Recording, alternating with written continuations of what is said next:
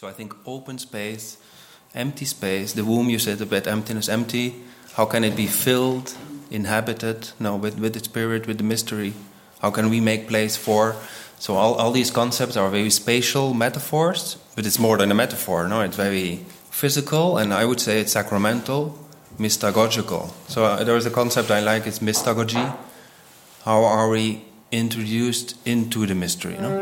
You, you said mystery is something to,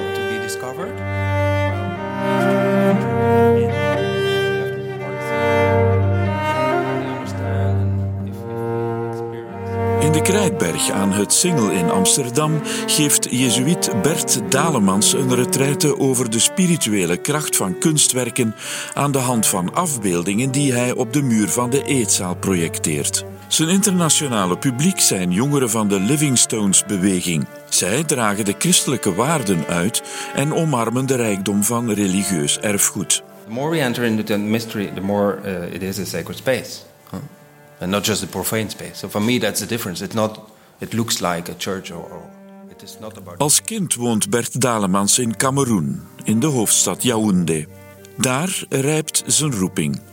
Hij is 16 wanneer hij studies voor burgerlijk ingenieur aanvat, 21 wanneer hij afstudeert. Zijn doctoraat behaalt hij in 2,5 jaar. Hij kiest ervoor jezuïet te worden. Het geluk dat de jezuïeten uitstralen, dat wil hij ook. It's always a meeting, no? Wanneer hij 19 jaar jezuïet is, vertrekt Bert Dalemans naar Amerika voor een laatste vormingsjaar. Meteen daarna gaat hij in Alaska bij de Yupiks, een Eskimo-volk, wonen. Hij is er gaandeweg hun erg geliefde dorpspastoor. Een belangrijke bevinding van Bert: het gaat om het zijn, meer dan om het doen. En ook de echte ontmoeting tussen twee mensen is alleen wanneer ze kwetsbaar zijn. Bert Dalemans is alleen maar te gast in de Krijtberg. Hij woont en werkt eigenlijk in Madrid, waar hij theologie doseert aan de Universidad Pontificia Comillas, de enige Jezuïetenuniversiteit in de wereld. Bert is behalve Jezuïet ingenieur-architect, pianist, orgelist en dokter in de theologie. Hij publiceerde onder andere over zijn fascinatie bij uitstek, de spiritualiteit van en in de kunst. And I, I- believe this Jesuit has so much prayed with that and contemplated it mystery that he, he shows us that in, in, in this sculpture, beautiful sculpture. Hij praat er zoekend over. Over alles praat hij zoekend. Zijn woorden en zinnen zijn een voorzichtige, aarzelende zoektocht naar een goed begrip, naar essentie, naar juistheid. De titel van deze aflevering met Jezuïet Bert Dalemans is Praten met Agayoun, een aflevering voor spirituele fijnproevers.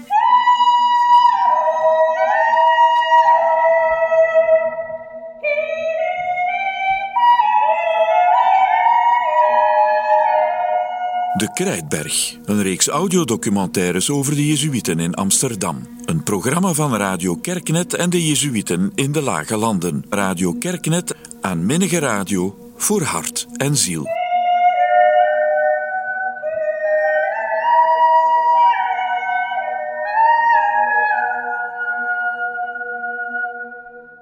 In de jaren tachtig woonden wij dus met mijn gezin in Cameroen.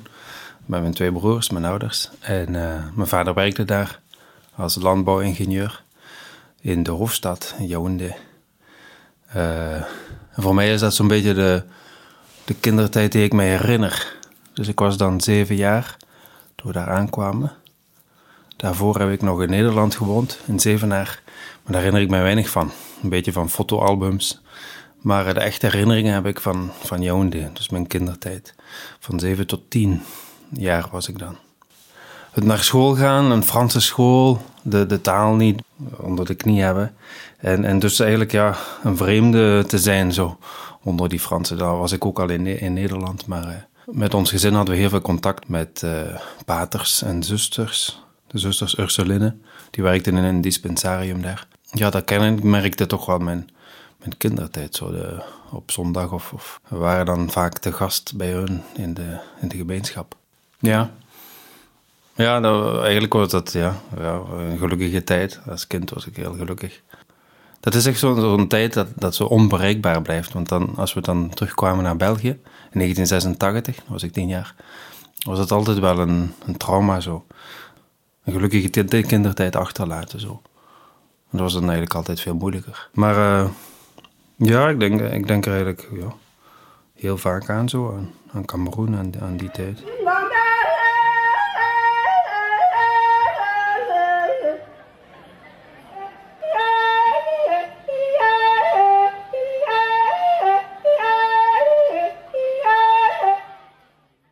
We leefden een beetje wel beschermd zo. Ja, mijn vader bleef dan in 86, dat heeft er ook mee te maken hè, met het, het trauma een beetje. Dus mijn vader bleef dan tot 92, 1992. En dan zijn we hem nog wel gaan bezoeken. Had ik dan meer contact via brieven. Dus in die tijd konden we, was er geen internet, was er geen e-mail, was er geen WhatsApp. Dus dat was dan een brief schrijven. En dat kwam dan na drie weken aan of zo. En een antwoord, ja, na een maand of zo. Dus dat was wel, wel moeilijk. En ik heb mijn ouders altijd wel bewonderd daarom. Want uh, omdat er geen internet was, er was geen contact. Ze konden alleen maar bellen. Dan kon je elkaar ook niet zien in die tijd, als je belde. Dus dat, was dan drie minuten elke zondagavond om, om, om zeven uur. Konden ze bellen, wegens, uh, omdat het nogal duur is. Hè. En dan was het gewoon van, ja, gaat alles goed en, en is er iets nieuws. Dus dat was hun, hun eigenlijk, hun wekelijks contact. En dan zagen we elkaar toch in de, in de vakanties.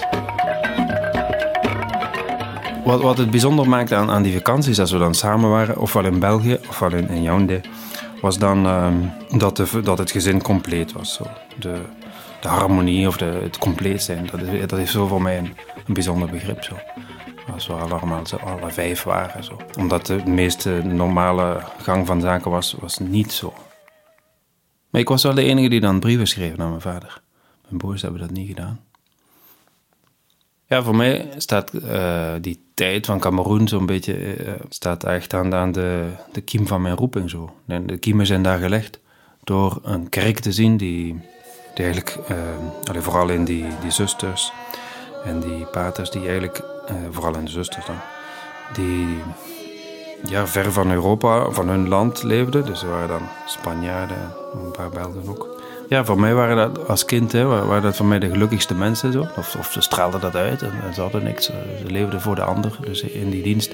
Dus voor mij, voor mij is dat de, de kiem van, mijn, van mijn roeping. Later heb ik daar maar woorden op geplakt. Hè. Dat is meer intuïtief of zo, weet ik veel. Als ik dan als student een dag aan een roeping of zo, was dat eigenlijk mijn model zo. Het apostolisch uh, religieus leven, dat die zusters dan hadden. Wat voor anderen eigenlijk een moeilijkheid is is voor mij helemaal omgekeerd. Voor mij is het moeilijk om, in België te zijn. Of, of dat, dat heeft met dat trauma te maken. Als ik dan naar België terugkwam, was dat de, de, afstand van mijn vader en zo. Dus ik denk, ja, dat zal wel een kindertrauma geweest zijn. Zo van. De, elke keer als ik terugkom naar België, heeft dat een, ja, een bitter gevoel, een naar gevoel. En voel ik me veel meer thuis in, in het buitenland. Ja, zo kan het. Hij wat je. Masoma, sese, babe,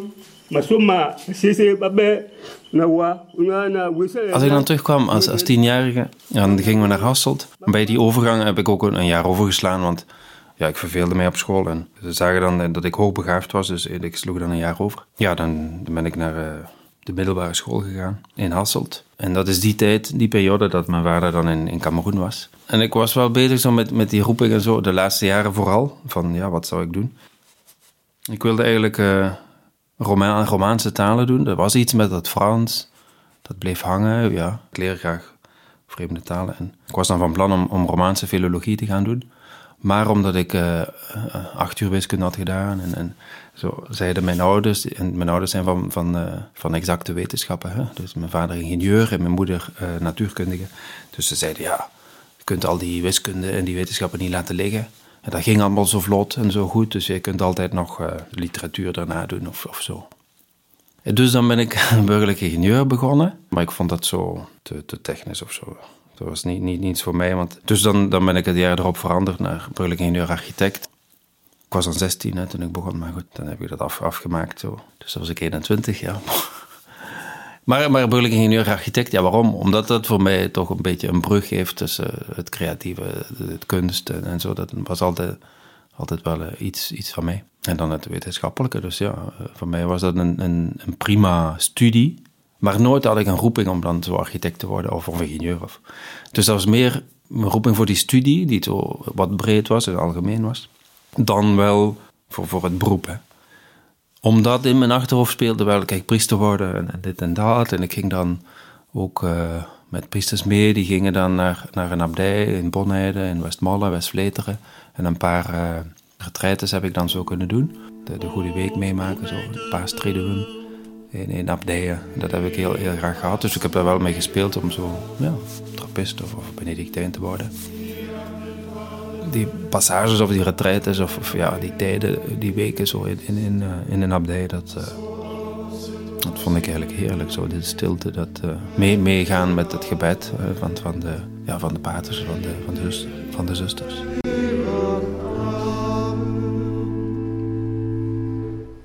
Ja, dus het geloof heb ik wel gehad van mijn ouders. En toen ik hen zei van, ah, ik wil jezuïet worden. Mijn moeder was heel blij. Uh, mijn vader was meer zo, oké, ja, bon, we zullen wel zien, hè. Doe maar. Maar het was niet echt een verrassing voor hen.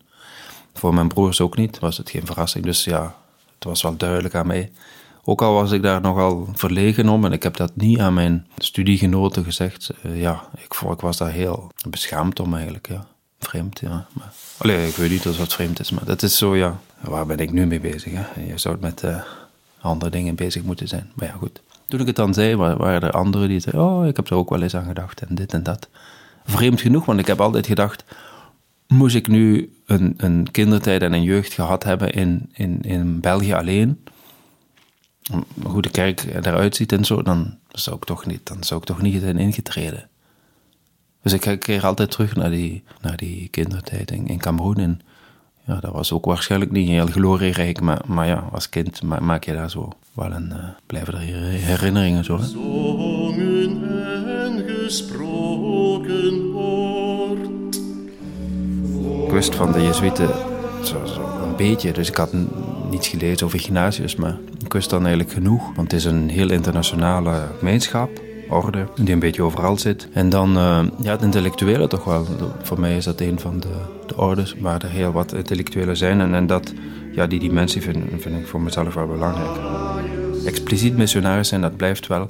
Niet, het, niet Afrika, maar, maar eerder Latijns-Amerika.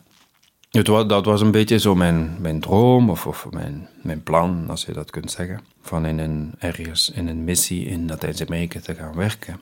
Maar er was een, een concrete vraag voor mensen, priesters, uh, in Alaska. Bij de Yupik Eskimos. In de kou en in het donker van een, winter. Omdat niemand ging. We waren met dertien. Ik dacht, ja, niemand stelt zich voor.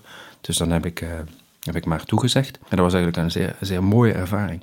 Maar ook weer, ik was dan direct thuis bij hun. Ja, als vreemdeling. Dus het, ja, dat klikt gewoon. Uh, vreemd genoeg was dat zo een beetje een inclusie met, met mijn tijd in Cameroen. Dus ik, werd, ik dacht heel veel terug aan, aan die tijd in Cameroen. Ook al leek, leek dat uh, uiterlijk een beetje helemaal anders hè, bij, bij de Eskimos. Maar, maar dat had ook iets van mm, ja, de, arme mensen. Of, of dat klinkt raar arm, want ze zijn helemaal niet arm. Uh, ze zijn veel rijker in de zin dat ze zo met de natuur leven en en zo uh, gastvrij zijn en dergelijke. Dus voor mij was het een zeer gelukkige tijd opnieuw. Vier maanden, van december tot april 2017. Ja, en elke dag werd het dus lichter, zes minuten lichter. Ik was daar alleen, dus ver van een communiteit. Ik vond het heerlijk om jezuïet te kunnen zijn, gezonde te kunnen zijn, zo helemaal, helemaal alleen met de mensen. En te weten van, kijk, hier achter mij staat een, een, een communiteit. Dus dat was wel uh, op een uur vliegen je kon alleen maar met vliegtuigen gaan. En een, een jezuïte-communiteit. Je bent daar ergens altijd wel verbonden zo. Ook, ook al bel je niet of, of, weet je niet van elkaar. En dat, dat is wel het mooie voor mij van, van zijn. Je kunt dan echt zo op de grens gaan van je eigen kunnen en, en de grens van de wereld. En, en toch, ja, je bent een, een lid van, van zo'n grotere geheel. Ja, dat, dat zijn allemaal dingen die ik nu, sinds dat we met elkaar praten, uh, niet uh, verbaliseer, maar maar die dat, die dat zo zijn. Hè. Nu leg ik daar maar wel woorden op.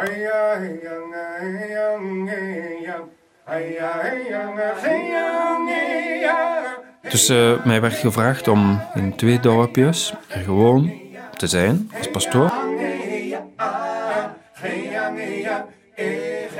Beschikbaar de mis te doen elke dag. Vooral de zondag. Hè. Dan, waren er meer mensen, begrafenissen als er waren. En er waren er heel wat. Ja, ik ben dan begonnen ook met een, een spoedcursus vormselcatechese en zo. Het einde van mijn tijd was dan ook het, het vormsel van, van, die, van die jongeren. En dan kwam de bisschop. Dus uh, daar, daarom ben ik een maand langer gebleven. Gedurende de dag ja, kon, ik, kon ik helemaal alleen zijn op de pastorie. Of mensen gaan bezoeken. En dat heb ik ook gedaan. Dus gaan aankloppen bij, bij de mensen. En, en dan gaan vissen met hen. En op, op uh, elandenjacht gaan en, en al die dingen. Dus ze hebben mij eh, een beetje in, in die typische Eskimo-winter ingeleid. Ja, ik heb echt overleefd dankzij hun.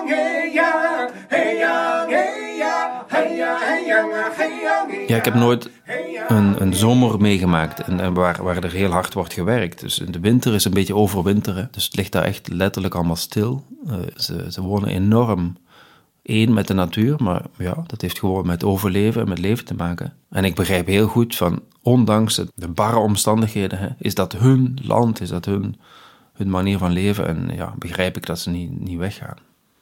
Ze hebben enorm hoog zelfmoord, uh, taal, uh, incest, uh, alcoholisme. Er zijn enorm veel problemen. En ondanks, de, ondanks alles hè, heb je daar toch een, een, heel mooie cultuur die echt zoals een, zoals een ijsblok aan het smelten is door, door de globalisering. Dus de aantrekking van het Amerikanisme en, en zo, fastfood. En, en dat is wel heel moeilijk. Dus die, die waarden van, van die cultuur, die gedragen werden door, uh, door de ouderen. En ze hebben enorme waardering en respect voor de ouderen, want die, die dragen hun cultuur, die, die dragen de kennis over. Maar dat is enorm aan het afbrokkelen. Hè? Met, uh, het is een heel kwetsbare, maar misschien daarom, daarom juist een heel mooie, uh, mooie cultuur. En die je eigenlijk maar kunt kennen. Niet als je daar op, op toerisme gaat, maar, maar zo gewoon probeert mee te leven. En ja, wat ik daar gekregen heb, is, gewoon on, ontelbaar. Is, ja. Ik was dan direct opgenomen en echt geadopteerd in, in, in een paar families.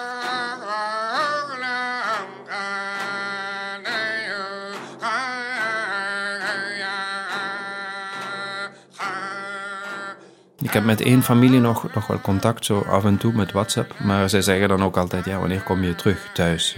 Wanneer kom je terug naar huis? Wanneer zou dat kunnen zijn? Maar, dus dat is wel een vraag van, ja, kan ik eens op bezoek gaan? Ondanks de kostprijs. Maar het zou wel mooi zijn, want, want het is niet onmogelijk hè, als, als je ziet, want ja, die, die communiteit is daar nog. Maar die communiteit, die Jezuïte-communiteit in, in Bethel, die heeft uh, 49 uh, dorpjes om, om te dienen. En, en dus ja, ze gaan dan daar af en toe. En soms komen ze maar één keer per jaar daar. Dus daar, is, daar blijft wel de nood. Ja, en soms speel ik wel met dat idee om om daar ook te gaan. We daar waren in dat dorp, een mountain village, waar ik dan vooral was. Waar, of nee, eigenlijk is dat heel typisch voor elk dorp. Zijn er zo drie christelijke communiteiten. De Russisch-Orthodoxe kerk nog, die wat kleiner is dan de katholieke kerk. En dan de, de protestantse, evangelische, die de grootste nu is geworden. Dat blijft ook wel van hun traditie. En, en een van die vormelingen zei me dat er heel mooi van, ja, een mens heeft twee benen nodig om op te staan. En één been is eigenlijk heel de Yupik-traditie, die we krijgen van onze ouderen, generatie op generatie, orale traditie. En de andere het andere been is eigenlijk wat de missionaris hebben gebracht. En eigenlijk, jullie hebben niet Agayun, God, naar ons gebracht, maar meer de, de woorden, de woordenschat en, en de manier om met Agayun te praten. Een priester is dan een Agayulichta, iemand die, die met God praat, letterlijk. Maar ik vond het wel een mooie definitie. Dus ja, we hebben twee benen om op te staan en, en dat ene been haalt de andere niet weg. Uh, maar het geeft eigenlijk een, een woordenschat of een, een, manier van, van herkennen. Dus hun, manier van in het leven staan en is, is eigenlijk heel, religieus uh, in de zin van heel respectvol voor, voor de natuur en zo al. Dus hebben eigenlijk wel een, een dieper aanvoelen dan wij hier in het Westen van het, transcendente gewoon. Wat met, met degenen die ons zijn voorgegaan. Hè. Dus die, die zijn hier nog, die leven nog. Dus e-, eigenlijk hebben ze zo'n spontane, natuurlijke, religieuze in, invalshoek. En, en ja, dat wordt dan een beetje gekanaliseerd via het, het uh, christelijke.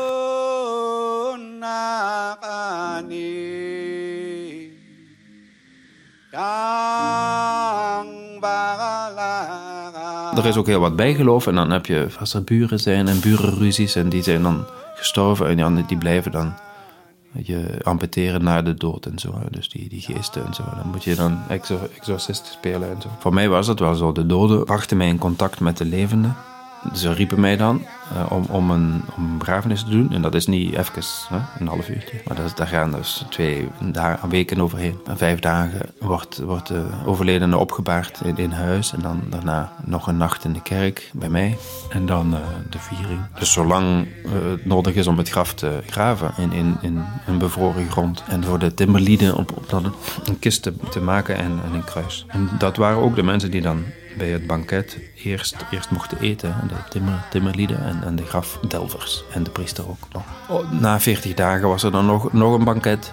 Na een jaar is er nog een banket. Dus, dus voortdurend was ik van, van het ene begrafenisbanket naar het andere. En dus kom je dan in contact met de families. En ik maakte dan stambomen van hoe, hoe zitten die families hier in elkaar. Al die namen komen terug en dit en dat. En dan waren er ook de basketbaltoernooien van, van dorp tot dorp. En dan het vissen en het jagen. In april kwamen dan de ganzen, dus dan gingen we op ganzenjacht. Dus dat, dat meevieren gewoon bracht mij meer in contact over het menselijke. bracht mij meer in contact dan, dan het, het specifiek religieuze, sacramentele, wat ik dan in de En dat was ook wel mooi, want zelfs orthodoxen vroegen mij dan, want er was geen orthodoxe priester die daar woonde. Dus ik zei, oké, kunt je even komen binnen bij, bij onze zoon van 19, die, die zelfmoord heeft gepleegd. Dus ja, en dan, deden we dat dan. Dan deed ik dat.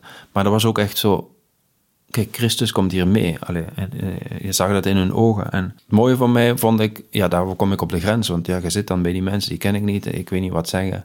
Maar je blijft daar dan, je krijgt dan wat thee, een beetje gerookte zalm. Maar zo van die echte Eskimo-zalm, waar je warm van wordt.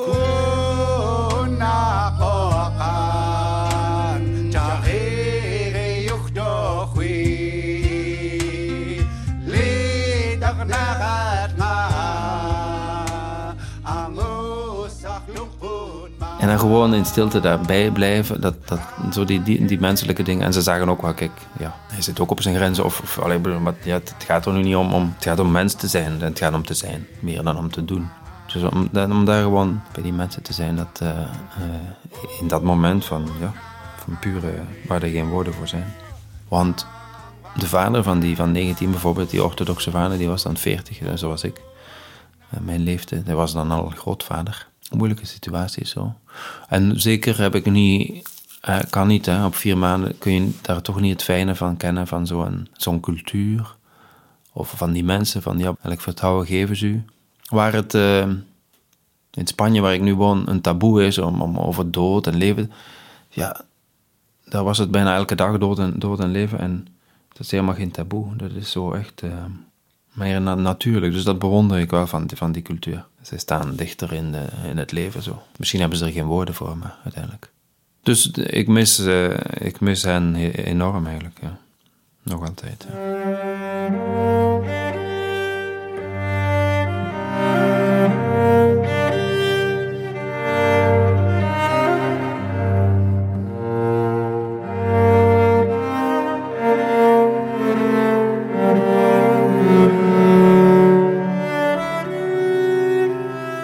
Ja, nu geef ik uh, sinds uh, negen jaar nu les in, in theologie in, uh, aan de Universiteit van Madrid. De Jezuïet-universiteit, de enige Jezuïet-universiteit van, van Europa. Vooral aan, aan de faculteit van theologie. Maar omdat het een Jezuïet-universiteit is, dan krijgt ook, krijgen alle anderen ook, ook een, een cursus godsdienst. Dus de ingenieurs, ook, ook in de business school. Maar ook de, de faculteit zelf en de humane wetenschappen ook.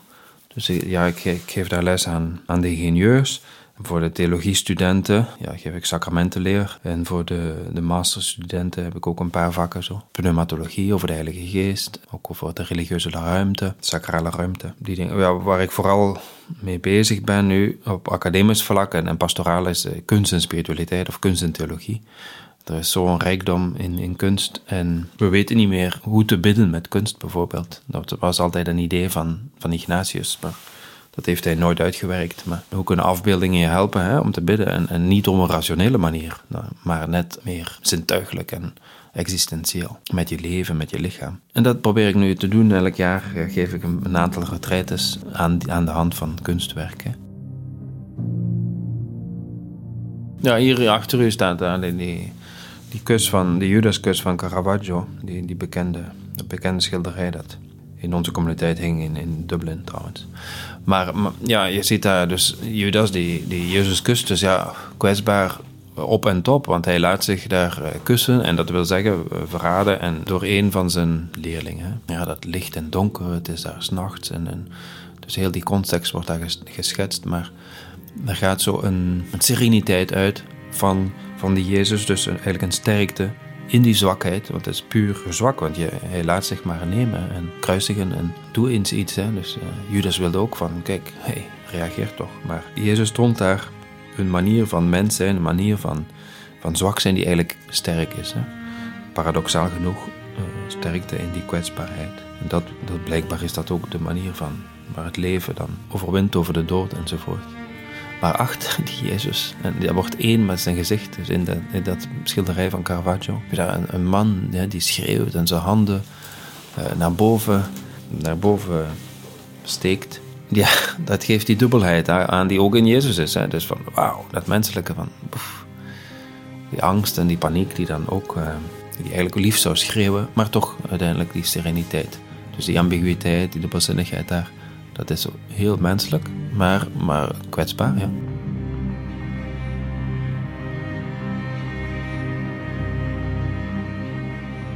Ik heb een boekje geschreven over 30 variaties over die kwetsbaarheid. En uh, dat zijn echt variaties over hetzelfde thema. En kwetsbaarheid is, is een menselijke conditie. Maar die Jezus, Christus, die, die toont daar een manier van een uitweg, een weg. Geen uitweg die de kwetsbaarheid van zich afschudt, maar, maar die juist daarin ziet, kijk, de echte ontmoeting tussen twee mensen is wanneer ze kwetsbaar zijn. En niet wanneer een mens zich, hoger opstelt dan de ander, maar wanneer ze echt kwetsbaar kunnen zijn. Oké, dat wordt veel, vaak misbruikt, maar daar, dat is de echte diepe ontmoeting. En dat is precies wat in Alaska is gebeurd aan mij. Ja, ik, ik, ik stelde mij daar kwetsbaar op. En ik was dan kwetsbaar, ik was op mijn grens. Zij waren op de grens, want ze hadden een, een geliefde uh, verloren. En, en dus daar, daar hebben we elkaar ontmoet. En ja, dat gaat voorbij woorden. Dat gaat in, in, in een stilte die misschien ongemakkelijk is, maar waar we niet te veel aan moeten voorbij gaan. En waar is men nog stil samen? Hè? Niet, alleen, maar met andere mensen. En, en kun je echt stil zijn? In Santiago de Compostela, maar in heel veel kerken, hè, op het timpaan, heb je daar Jezus en die toont zijn open handen en die zijn gewond. En dat zijn geen littekens, dat zijn echt open wonden. Zo van, hij, hij, laat zijn wonden zien, zijn kwetsbaarheid, zijn kwetsuur. En, en niet om ons in het gezicht te, oh kijk, je hebt ons gekwetst. Nee, maar meer van, kijk, deze kwetsbaarheid is een, is een weg ten leven. Paradoxaal genoeg, dus ja. Voor mij is dat de christelijke godsdienst, hè? De, de kwetsbare God. En dat, dat gaat heel diep, want uh, het, is, het is echt uh, tegen draad zo.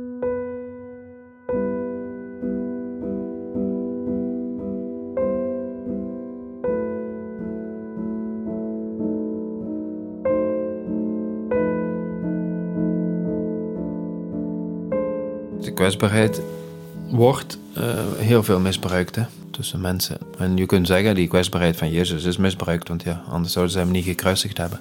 Voor mij is dat het, christelijke woord van alle. Dus uh, ondanks alles, ja, ondanks alles dat tegen zit, heb je nog die hoop en zo. Ja, heel veel van de evangelische en, en, Paulinische, dus van, van Paulus, uh, paradoxen, die, die gaan daarover. Hè. Dus hij, hij die rijk was, is, is arm geworden om ons te verrijken met zijn armoede. Niet om ons te verarmen met zijn armoede, maar om ons te verrijken. En dus ja, dat is ook een soort armoede, die, die kwetsbaarheid. Want ja, we zouden gewoon... Uh, wij, wij zouden liefst maskers hebben en het verbergen, onze kwetsbaarheid. En dat doen we uh, normaal gezien ook. Hè? Om, omdat, we, omdat het misbruikt wordt. Dus moeten we ons beschermen. En daar is ook, ook iets van aan. Hè? Ja, we kunnen niet gewoon met open wonden uh, rondlopen. Dus als je die, die kracht hebt, die sterkte vindt, paradoxaal genoeg, dan, dan kun je dat als, als Jezus en als de, de Heilige. Maar in die verrijzenisverhalen is het net aan de wonden dat zij hem herkennen, aan de gekwetstheid. Dat, dat, heeft, dat heeft die zin, dat heeft die betekenis van... Uh, Dus ja, moet het met, uh, met deemoed, met mededogen, met enorm veel respect. Ja. Een, een van de dingen die ik het liefst doe uh, de laatste tijd is uh, kunst en toonstellingen op, op, opstellen. Dus ik zoek dan naar een, een galerij of een plaats en ik heb dan contact met, kunst, met hedendaagse kunstenaars. En op een laatste opening waren er heel wat, heel wat mensen van die wereld, van die kunstwereld. We hadden dan een, een boek uh, gepresenteerd, voorgesteld. Dat had dan iets van spiritualiteit, maar een heel algemene spiritualiteit. Dus niet, niet expliciet christelijk of religieus, maar kijk, voor die mensen was het al, al genoeg om dan te komen praten en, en te zeggen: hé, hey, er is zoveel nood aan stilte en meditatie en transcendentie in de wereld, in de samenleving en in, in hen. Maar ze hebben niemand om daarmee te praten. Ze hebben geen manier om dat te voeden. Want, want ja, wat de kerk aanbiedt, of de synagoge of de moskee, is, is, is te, te hoog gegrepen, te hoogdrempelig voor hun. Dus zij, zij gaven aan, kijk, in, in de wereld, in de modewereld of weet ik veel waar zij leven, is er ook heel veel nood en behoefte aan, spiritualiteit of transcendentie. Ze hebben de woorden niet, net zoals mijn Eskimos. Maar, uh, maar, die nood is er wel. Hoe, hoe antwoord je dan? Of, of, ik, ik, hoop dat ik altijd kan, kan leven en werken aan, aan zo'n antwoord.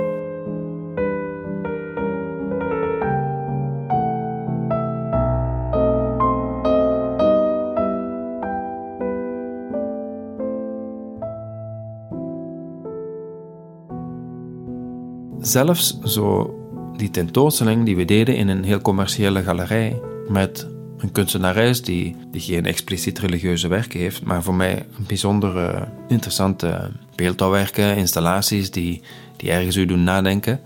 Uh, waar het niet alleen, alleen maar materieel is, hè, die u aan het denken zet. Dus ja, voor mij is, is dat, ja, dat is niet de kerk dan, maar zijn dat plaatsen waar ja, mensen uitgenodigd worden om, om, hey, om stil te worden, om na te denken van kijk, eh, het is niet alleen dat. En en hopelijk, als ze een gevoel krijgen voor het mysterie, dat anoniem is, zonder gezicht, misschien is het gezichtsloos. Hopelijk hebben ze dan vanuit die ervaring het verlangen om, om, om, om, om naar dat gezicht te gaan zoeken van dat mysterie en die naam. om dieper te gaan gaan in, in, in dat mysterie. Maar ik geloof dat dat zo de, de eerste stap wel is van kunnen wij ruimte scheppen waar, waar deze dimensie heel actueel wordt gemaakt, waar er dat, dat, dat eerste antwoord wordt gegeven op dat anonieme mysterie, dat, dat, of dat verlangen dat leeft bij de mensen. En niet als iets archeologisch. Hè? Als je naar een museum gaat of zo, dan, dan staat er soms, ja, kijk, op die manier leefden de christenen. En dan denk je, ja, nu toch ook.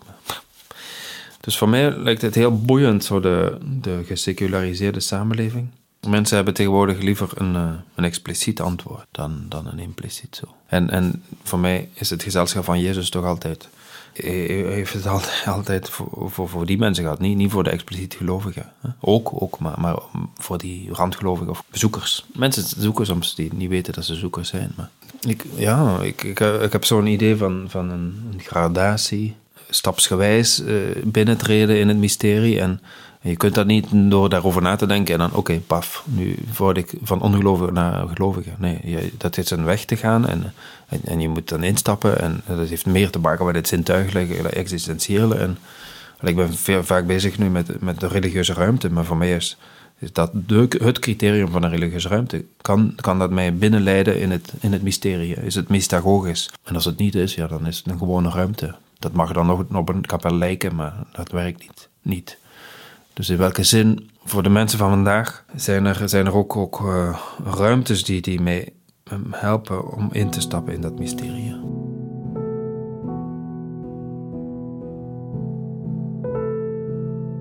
Dit was De Krijtberg. Praten met Agayoen. Een aflevering in de reeks audiodocumentaires over de Jezuïeten in Amsterdam. Een programma van Radio Kerknet en de Jezuïeten van de Lage Landen. Samenstelling en productie Leo August de Bok. In de volgende aflevering van De Krijtberg ga ik langs bij de jongste Jezuïet in Amsterdam, Bastiaan van Rooyen. Graag tot dan.